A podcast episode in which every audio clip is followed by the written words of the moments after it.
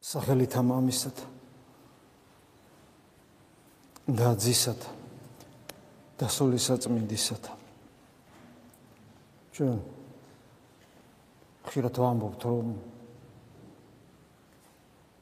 ადამიანი ღვთისმშობლისათვის შექმნილი ქმნილება არსება და ნებისმიერი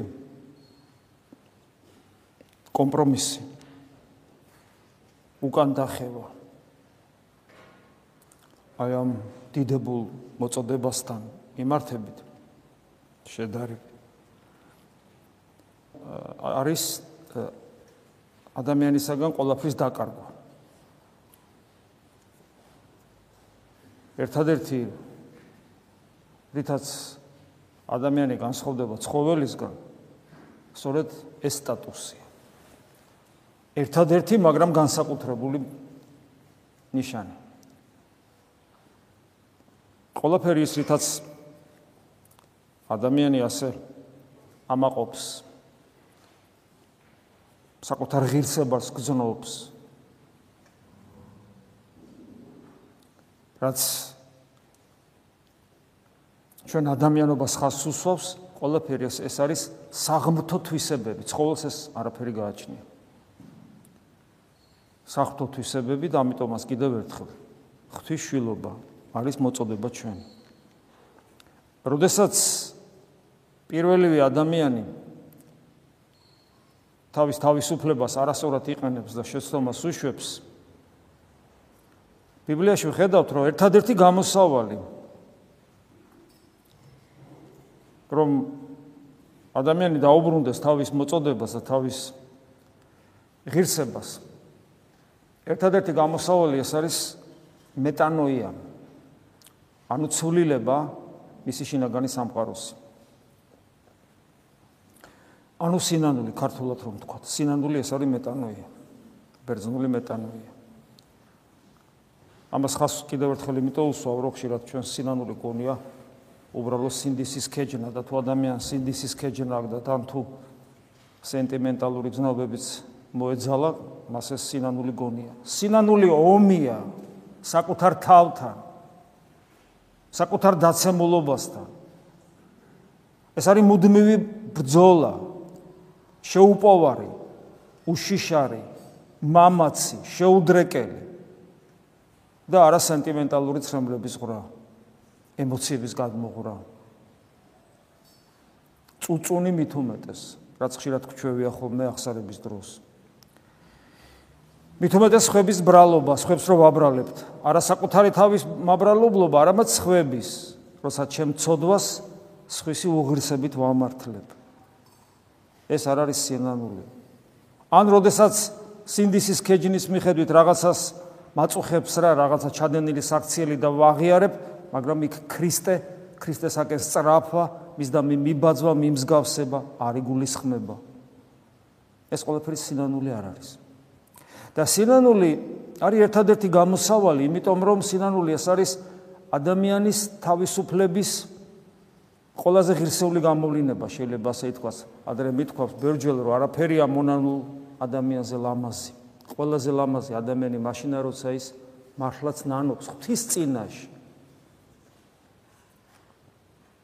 და აი, როდესაც ადამი თავის თავისუფლებას არასწორად გამოიყენებს, ღმერთი სწორად ცდილობს, რომ იგი სინანულში მოიყვანოს, ანუ ათანამშრომლოს საკუთარ თავთან. თავისინებით, ეშმაკის ბირებით, მაგრამ თავისინებით უარყო ღმერთის შვილობა და ეს დემონური თესლი ჩაიღვარა მასში და ეს დემონური თესლი თითოეულ ჩვენგანშია, როგორც ადამიანის გენეტიკურ მემკვიდრეში, ჩვენ გუგონია, რომ ჩვენ ეშმაკისგან თავისუფლები ვართ. გახსოვთ სახარების სიტყვები ეშმაკის სიტყვები როგორია? საკუთარი სახლად რომ საკუთარ სახლად რომ მიიჩნევს ადამიანის გულს. და ეს ფაქტობრივად ეშმაკის შვილი გახდა შეიძლება ასე ვთქვათ ადამიანი. ვინც ვის მიერ არის ძლეული იმისი მონა გახსოვთ თქვენ პეტრემოს სკოლის ეს გასაცვიფრებელი სიტყვები. ეშმაკისა ხარ ძლეული მისი მონახა და აი, როდესაც ადამიანს ეს დაემართა, ღმერთი ცდილობს რომ თავისუფლად წამოიყვანოს კლავ თანამშრომლობისკენ და გახსოვთ პირველი ხმა ღვთისა ადამს ადახარ და მე გახსოვთ ადამის ყოველდღე გამომართლებელი საქციელი ბოლოს დამთავრდა იმით რომ იგი 64-დან გამოიდევნა და აი სინანულისაკენ მოწოდება პირველად იყო სწორედ 64-ში ანუ არა ამ სამყაროში არამედ ჯერ კიდევ იმ სამყაროში სადაც ადამი უნდა გაზრდილიყო. და ჩვენ ხედავთ ადამის ტანჯვას ადამი იტანჯება. და სად იტანჯება ადამი? ჯოჯოხეთში? არა სად არის ჯოჯოხეთი? ადამი 64-ში იტანჯება. აი როცა არის ხოლმე. ყველა ცხონდება ადამიანები ლიბერალები იტყვიან ყველა ცხონდება როგორ არა? და კი მაგრამ აბა ადამი რატო იტანჯებოდა 64-ში ყველა ცხონდება. და როგორც წესი როგორც წესი ამ მდგომარეობით აი ამ სიტყვით როგორც წესი ადამიანები ამართლებენ საკუთარ არაღვაწლის მიერ ქრისტიანობას ვიცხოვრებ როგორც შემიძლია და ღმერთო შემომხედე და შენ ყველაფერი შეგიძლია უპასუხისგებლობაა ეს. იმიტომ რომ ადამი იტანჯება, 64-ში იტანჯება. რატომ? იმიტომ რომ მას უკვე ჯოჯოხეთი საკუთარ თავში აქვს. რა არის ეს ჯოჯოხეთი? მან უარი თქვა ღმერთის შილობაზე. ეხლა ჩვენ თავს თუ შევხედავთ.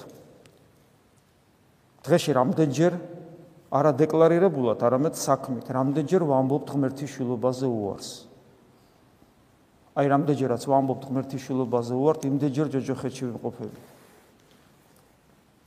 და სინანული არის ერთადერთი გამოსავალი, იმიტომ რომ სინანული ეს არის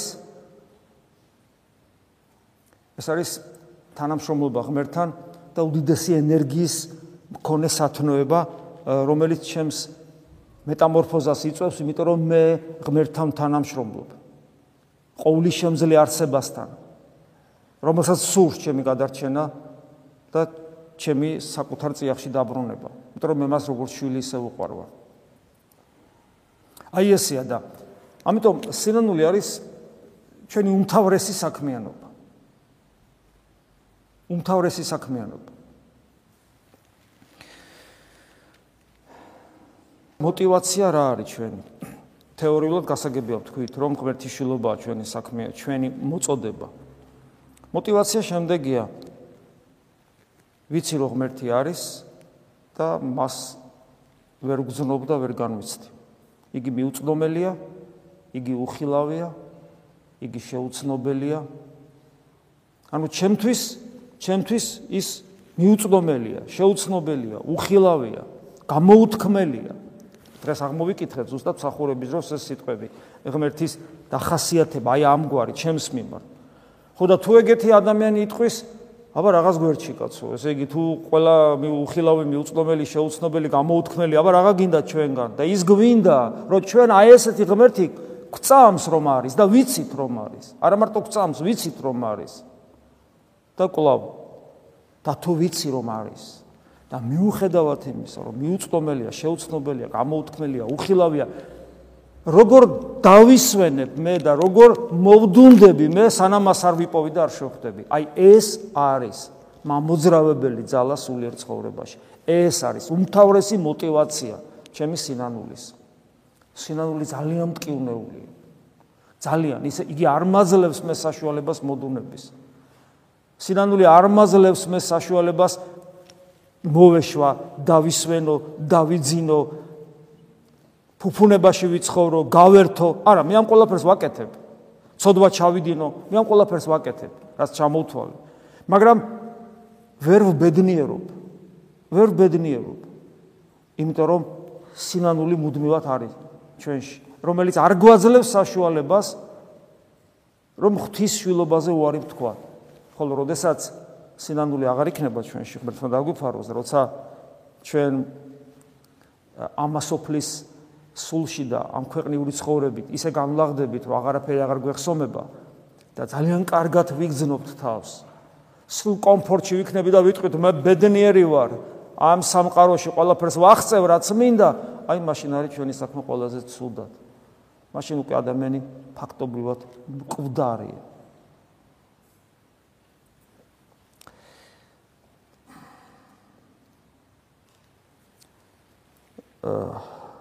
ჩვენ წირვაზე მსახურებას ვიწყებთ ყოვლადწმინდა სამება ღმერთის სამეფოს დიდებით. კურთხეულარს მეუფება, ანუ კურთხეულარს სამეფო მამისა და ძისა და სულისაწმინდის.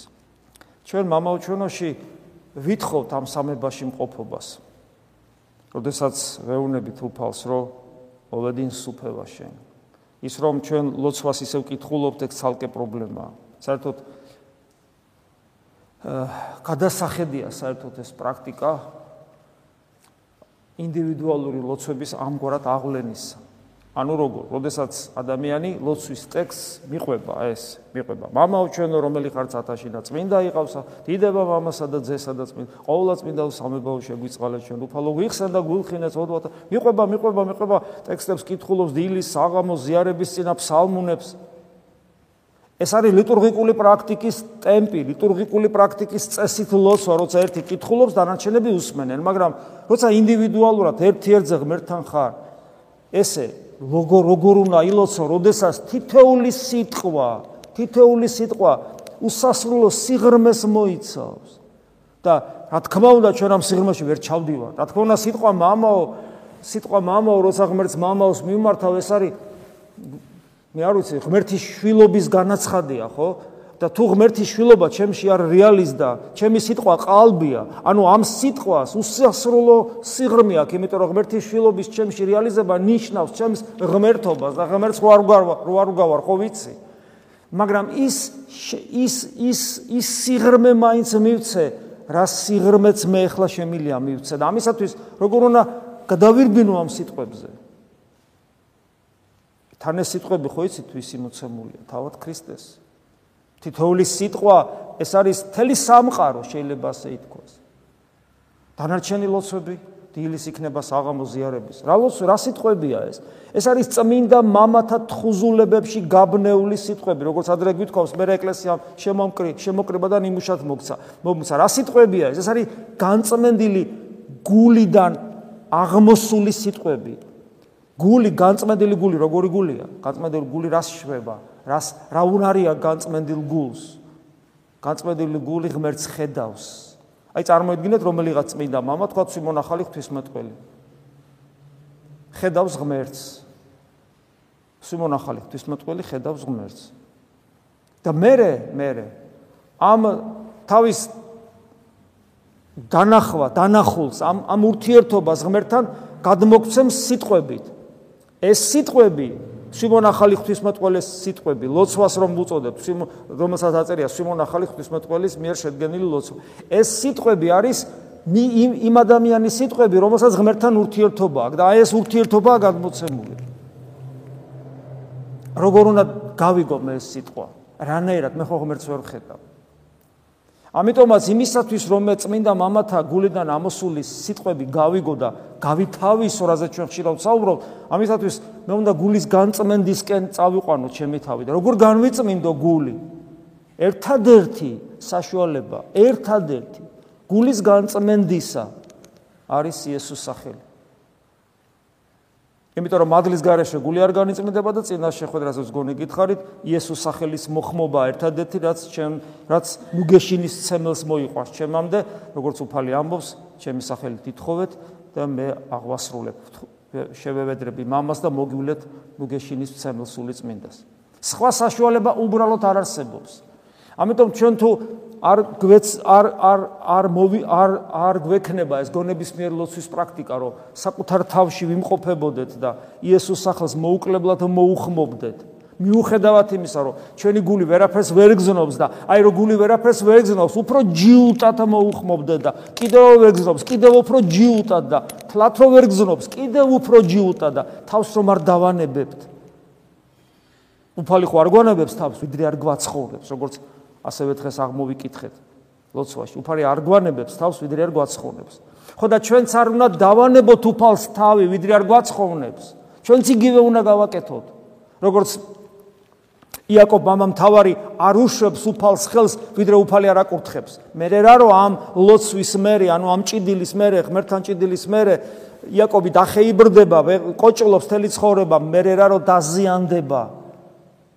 ის არ უშვებს უფალს, სანამ უფალი მას არ აკურთხებს. ჩვენ კიდე ისე გულარხეინად ვასრულებთ ლოცვას, ვითომც არაფერი, ჩავარაკრაკე, წავედი. მე რა რო ვერ არც კი ვიცი, რომ ღმერთი უნდა განვიცადო. არა და ღმერთი თუ არ განიცადე, შენ ღმერთი შენთვის ხო არ არსებობს. ის რომ ჩვენ გვწამს, ეს არის ჩანასახი. ღმერთი შეეხო ჩვენს გულს და გითხრა, მე ვარ. აბა ეხლა რა სიზავ? და რა უნდა ვქნათ, სანამ არ ვიპოვით, არ უნდა ამოვისუნთქოთ. ეს არის ქრისტიანობა.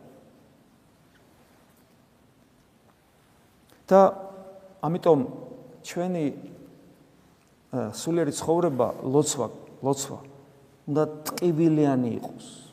ტკივილიანი იყოს. და ყველაზე ძლიერად, ეს მე ყველაზე ძლიერად აი ამ ტკივილის ტკივილიანი ლოცვის განცდა, უბრალოდ ტკივილიანი ლოცვის ლოცვაში მყოფობა, ტკივილიანი ლოცვის ჩვენი სულიერი ცხოვრების უმთავრეს საქმეთ გადა ქონება ეს არის შესაძლებელი გონებისმიერი ლოცვის. იმიტომ რომ აი ეს როცა სივრცეს აღარ არსებობს შენთვის, იმიტომ რომ სიბნელეში ზიხარ და არ ციგნი გჭირდება არაფერი და მოუხმობ იესოს სახელს, შენ შენ შიგნით რომ მოუხმობ იესოს სახელს, ეს არის ყველაზე მეტი ყველაზე მეტად ძლიერი შესაძლებლობა იმისა, რომ შენი გულის გაქვეებულობას იგზნო და ამავე დროს არ მოეშვა და ნებისყოფით ეცადო, რომ ეს გაქვეებული გული გათბეს, გალღვეს, გადნეს. როცა ადამიანი ამას 5-10 წუთი აკეთებს, 15 წუთი აკეთებს, ამას რა თქმა უნდა ის ძალად ეფექტი არ აქვს, მაგრამ როცა ადამიანი ამას ძალიან დიდ დროს უთმობს, ეს რომ ამ დროს ნელ-ნელა ზდის, აი მე რეიწყება ნამდვილი ბრძოლა საკუთარ დაცემულობასთან და აი ეს შეუპოვრობა, შეუპოვრობა ღვთისაგან დანახულია მე. ღმერთი ხედავს, რომ როგორ გიჭირს და როგორ მაინც თავს არანებებ. როგორ გინდა რომ ღმერთი იხილო, როგორ გინდა რომ შენი შვილობა რეალიზდეს, ღვთის შვილობა რეალიზდეს. დრო კიდე ძალიან ცოტა გვაქვს. აი დღეს აღმოვიკითხეთ პავლე მოციქულთან რომ გვეუბნება პავლე მოციქული რომ აწვიარს ჟამი განღვიძებათ ჩვენ და ძილისაგან. აწუმახლობელეს არს ჩვენ და ციცოცხლე ვიდრე მაშინ როცა იგი ვირწმუნოთ. აი ახალ ქართულად მოახლოვდა ძილისაგან თქვენი გამოფხიზლების ჟამი, ხსნა ახლა უფრო ახლოა ჩვენთან ვიდრე მაშინ როცა ვირწმუნოთ. ხედავთ დინამიკას. პავლე მოციქულის სიტყვებში დინამიკა. დღეს ხსნა, გადარჩენა, ცხონება, მარადიული სიცოცხლე უფრო ახლოა ვიდრე მაშინ როცა ვირწმუნოთ. არის თუ არა ეს ას? ეხლა პავლე მოციქული მეუნება როგორც მოცემულობას, რომ აი თეოდორე შენ ახლა უკვე რამდენი ხანი ეკლესიაში ხარ შენთვის გადარჩენა და ხსნა უფრო ახლოა ვიდრე მაშინ როცა ირწმუნე 10 წლეულების იქით ეხლა მე კითხვა მაგ ეს ესია მართლა ჩემთან თუ არ არის ეს? მე მინდა გითხრათ რომ ძალიან მრავალი ადამიანი ისე ბერდება ეკლესიაში რომ აი ასე არ არის. აი როგორც მოვიდა ისეთად რჩება უკეთეს შემთხვევაში. ან უარესი და უარესი ხდება. უარესი და უარესი. ერთი ნაბიჯითაც წინ არ მიიწევენ და ავიწყდებათ რომ იესო ქრისტე არის გზა და გზაზე სულ უნდა მოძრაობდე. დინამიკის გარეშე სულიერი ცხოვრება არ არსებობს. აი მეტანოია ანუ სინანული არის დინამიკა დინამიკა და შეუძლებელი ამ დინამიკას არ გზნობდე ამ დინამიკა დინამიკას გზნობ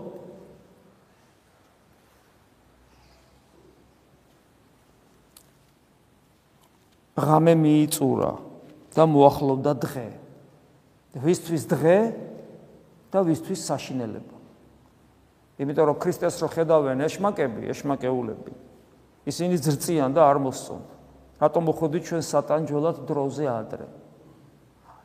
ქრისტიანობაში გავრცელებული ტენდენცია მეორედ მოსვლის ეშინიათ. უცხო ხო არ არის თქვენთვის ეს? ვილოცოთ რომ მეორე მოსვლად მეორე მოსვლად მეორე მოსვლამ გადაიწიოს. ვილოცოთ რომ ეს ესე იგი ახლა არ მოხდეს და რატო რატო არ მოხდეს საწავი კითხეთ ეს რომ ჯობია გადაიწიოს განაწმინდა წერილი საწინააღმდეგოს არ გვეუბნება განაწმინდა წერილი არ გვეუბნება რომ მალე მოდი კარგი ეს გლობალური მეორედ მოსვლა შევხედოთ ჩვენ საკუთარ გარდაცვალებას ნუ ემალებით მას რა დაემალები არ მოვა თუ რა არის როგორ უყურებ ჩვენ საკუთარ სიკვდილს გვეშინია თუ არ გვეშინია? და თუ გვეშინია, რატო გვეშინია? ეს ძალიან მნიშვნელოვანია. სიკვდილზე ფიქრი არის ძალიან მნიშვნელოვანი, იმიტომ რომ ეს იწოდება სათნოებად. რა არის სათნოება? სათნოება ეს არის სახთო სიკეთე, რომელიც რთული აღსასრულებელია. და მას უნდა კონდეს განვითარების დინამიკა. ესე იგი, სიკვდილის ხსოვნა რადგან არის სათნოება, წმინდა მამები ასე გვასწავლიან. ესე იგი, მისი მისი ქონება ამ სათნოების არის ძალიან რთული და ეს დინამიკას რო განვითარდეს ეს ეს ხსოვნა, სიკვდილის ხსოვნა როგორც სათნოება, ჩემში რო განვითარდეს, ესეც რთულია. ამიტომ ადამიანი და რეალობა რა არის? რეალობა ისე რომ ადამიანს როგორც წესი ეს არ ახსოვს. ადამიანი სულ ივიწყებს, ადამიანი სულ გავრუბის, ანალიზს არ უკეთებს ამას ეს რა არის? და რა არის? ვისაც ესე სიყვარულით მოუხმობთ ღმერთს იმასთან შეხვედრა. და მას რატო გვეშენია სიკვდილის? ხო ხვდებით, რამდენი პრობლემაა ჩვენში როგორც ქრისტიანების. ამიტომ როცა ეს როცა პავლე მოციქული ამბობს, რომ ღამე მიიწურა და მოახლოვდა დღე, ამაში მარტო მეორედ მოსვლა არ იგულისხმება. ამაში იგულისხმება ჩვენი გარდაცვალებაც. ხო და აი ასეა, გარდაცვალება ვისთვის დღეა და ვისთვის ვისთვის დღის დასაწყისია, გარდაიცვალება სიკვდილისაგან სიცოცხლეში და ვისთვის ღამის გაგრძელება, იმიტომ რომ ღამეში იყო და ღამეში გადავიდა და ღამეში იმიტომ იყო, რომ ღმერთს ვერ ხედავს და ღმერთის დაუნახაობა არის ღამე და გარდაიცვალა და ისევ ღამეში დარჩა, იმიტომ რომ ისევ ვერ ხედავს ღმერთს და ღმერთს იმიტომ ვერ ხედავს, რომ არც უფიქრია არასოდეს, რომ ქრისტიანული ცხოვრების თავარი მიზანი ღმერთთან შეხვედრაა. არ უფიქრი ადამიანს არასოდეს. ადამიანი ეკლესიაში იმიტომ რომ რაღაცები ჭირდება, ჭირდება, ყოველას ჭირდება. და არა ის რომ ღმერთთან შეხვედრაა მიზანი და ვერ უნდა სუნთქავდე, ვერ უნდა ვიცლიდე სხვა რამისათვის გულის მდგომარეობას რომ ჩემი ხელები ამ ქვეყნიურ საქმეებს უნდა აკეთებდეს. მე გულზე ვხსაუბრო. აი მო დიდი მოღვაწეები ესე გვასწავლიან, რატომ არის რომ ლოცულობ, იესო, იესო მოხმობ და აი ქვა, გინ გინ კედელი კედელს უთქვია, ეგ სიტყვები და გინმე, რატომ არის ეს? იმიტომ რომ გულში ადგილი არ აგაქვსო. მაგალითად მამა ემილიანი ამბობს სიმონა პეტრელი. გულში ადგილი არ აგაქვს აი ესეთ რამეს ამბობს საჭმელით რომ გაიტენე უკაცრავად პირს და მე სხვა საჭმელო აღარ ჩადის. აი ესეა გადატენილია ჩვენი გული ამასოფლის სული და ადგილი არ არის. ესე ესე ხატონად საუბრობს.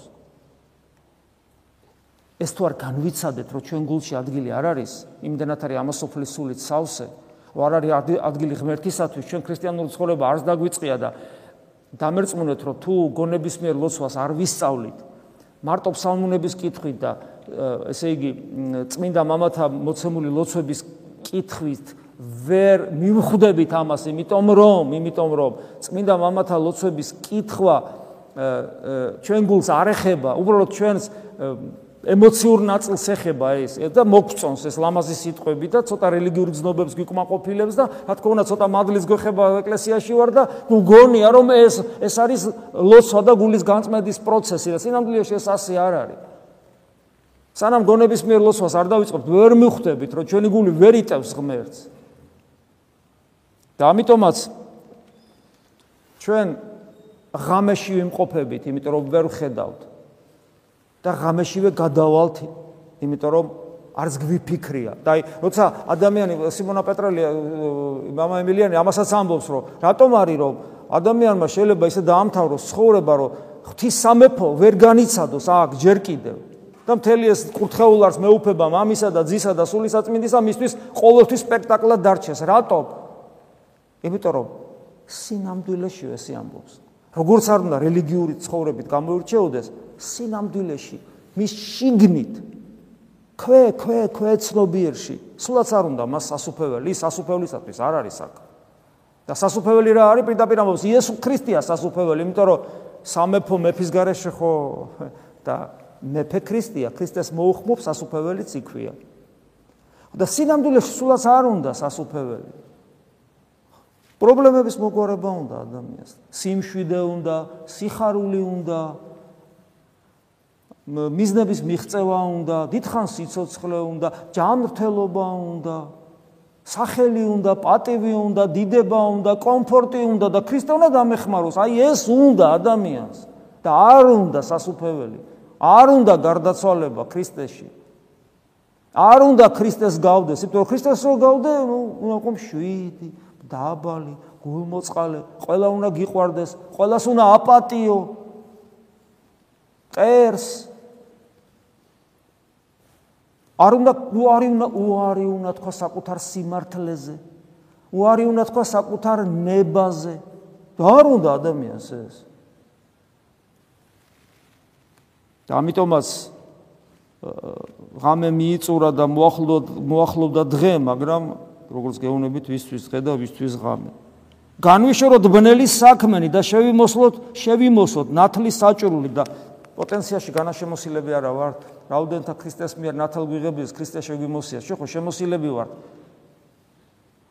ჩვენ შევიმოსეთ, როცა მოგუნათლეს და მე განვიმოსეთ.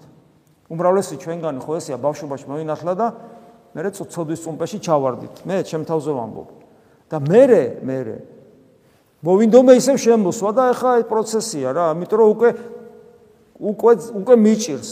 თავიდან ადამიანი შეიმოსება ქრისტეს ქრისტეთი, იმიტომ რომ ბავშვი მით უმეტეს როცა ინათლება, მაგრამ როცა შესაბამისი აღზდა და ასე შემდეგ არა აქვს და ცოდვაში ის განმოსილია უკვე.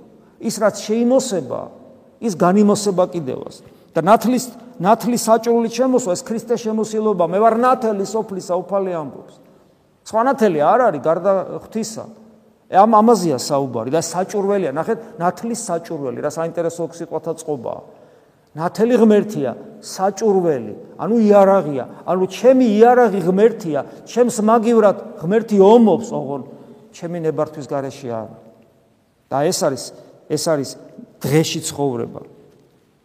და როგორც დღისით ღირსეულად ვიაროთ. და მე რა ჩამოთulis მიწიერ რაღაც არა ღორმუცელობით, სიმთვრალით, სიმრუშით, სიბილწით, არა შურით, არა შუღლით არამედ შეიმოსეთ უფალი იესო ქრისტე და ხორცე ზრუნვას ნუ აქცევთ ავხორცო ავხორცობად. ნახეთ, ხორცე ზრუნვას ნუ აქცევთ ავხორცობად. ანუ ხორცე რას ნიშნავს? ხორცე ზრუნვას კი არ გვიგზავნოს. არამედ ავხორცობად არ გადავაქციოთ. ანუ გულის სათქმელად. ანუ თელი თელი ცხოვრების მიზანი რო ხდება, რომ ესე იგი ჯამთელი ვიყო, დიდხანს ვიცოცხლო, ლამაზად გამოვიყურებოდე და ასე შემდეგ. აი ეს ყველაფერი პრაქტიკაში პრაქტიკაში ვლინდება ჩვენს ყოველდღიურობაში, როცა ვლოცულობთ და როცა გვტკივა მოუხმობ იესოს და არაფერი არ არის. კიდე მოუხმობ, კიდე არაფერი არ არის. რამეს კი ველოდები, სასწაულს და ისე არ გამიგოთ, როცა ჩვენ მოუხმობთ იესოს სახელს, ამე ფეირვერკს კი არ ველოდებით ღმერთისაგან. არაფერში არ არაფერი არ არის გულისხმობ, რომ მე ღმერთს ვერ განვიცდი. მე კლავ უღმერთო ჩები. და ეს უნდა მტკიოდეს. უფალი ამ ტკივილს ხედავს. ერთხელაც მოხდება ისე, რომ ჩემი გული იგზნობს. მე კიდევ იგზნობს. მე ფაქის, ფაქის შეხებას. თხილათ უნდა ვიყოთ ხიბლიცის, რამ, ეშმაკმა, როგორ თუ ადამიანს აქვს პატივმოყარეობა, მოუხმობ უფალს, აბა გამინათდეს სამყარო, აბა ხელთქმელი ნათელი ვიხილო, აბა სასწაულ მოქმედების ნიჭი მქონეს, არა. მიტევება, გულის განწმენდა, გულის განწმენდა მიტევების garaში არ ხდება. გულის განწმენდა ცოდებისაგან განთავისუფლების garashi არ ხდება. და როცა გული იწმინდება, ფაქის ფაქის შეხებას გზნობს ადამიანი. როცა უნდა ღმერთს მაშინ იზავს ამას. მაგრამ ჩემი მხრიდან უნდა იყოს ტკივილი, რასაც ქვია მგლოვარება. რატო გლოვობს ადამიანი? იმიტომ რომ ღმერთი უნდა და ვერ არის. მაგრამ გლოვარება როგორ სრულდება? ეტარიყვნენ გლოვარენი გულით, არამე თუ მათ რამე თუ იგინე ნუგეშინის ცემული იქნენ. აი ეს ნაყოფი და ეს შედეგი ექნება. ამიტომ ვიბრძოლოთ და ვიომოთ. არ მივცეთ საშუალება ბოროტს რომ ჩვენს არაფხიზელ ვიპოვოს არაფხიზელ არამღვიძარე მდგომარეობაში და ჩვენი გული თავის სახლად გადააქციოს, რომელსაც ასე თulis, ასეთად თulis ის. ამის საშუალებას მომივცემ. ამისათვის საჭიროა მოუკლებელი, მოუკლებელი სიფხიზე და მღვიძარება. რომელიც თან რთულია და თან ტკბილია. თან რთულია და თან ბედნიერების მომნიჭებელია. და საერთოდ ეს არის ქრისტიანობა. ამინ. მადლი უფლისა ჩვენისა იესო ქრისტეს და სიყვარული ღვთისა და მამის და ზიარება სული საწმინდისა იყოს თქვენ ყოველთა თანა. ამინ.